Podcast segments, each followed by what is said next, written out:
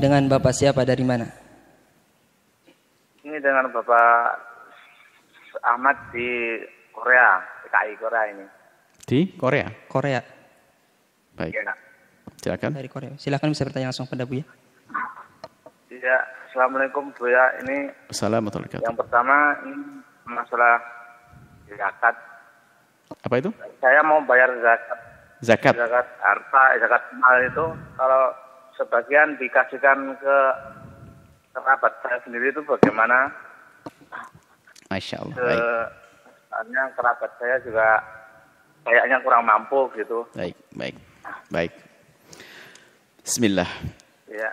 Makasih. Cukup? Assalamualaikum warahmatullahi wabarakatuh. Assalamualaikum warahmatullahi wabarakatuh. Baik. Membayar zakat, zakat mal. Yang perlu ditanyakan apakah benar orang tersebut atau Anda sudah wajib bayar zakat mal.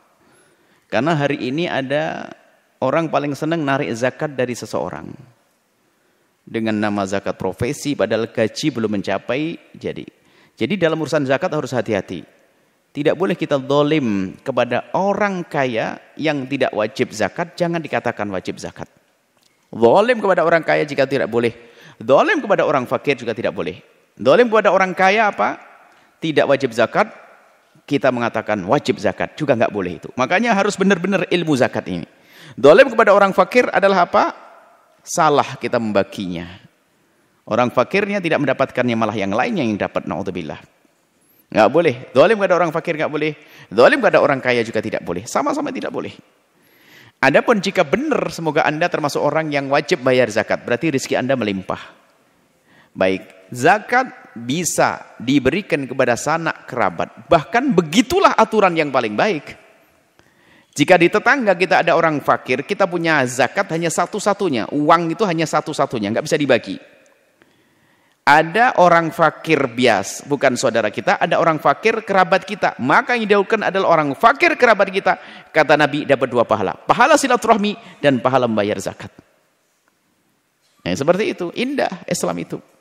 Jangan sampai Anda sibuk membayar zakat kepada orang lain lalu kerabat Anda tidak Anda kasih, orang lain pun tidak mau ngasih. Kenapa? Wong saudara Anda, Anda kaya pasti nyampe rezekinya kepada dia. Ternyata Anda lupa kepada dia.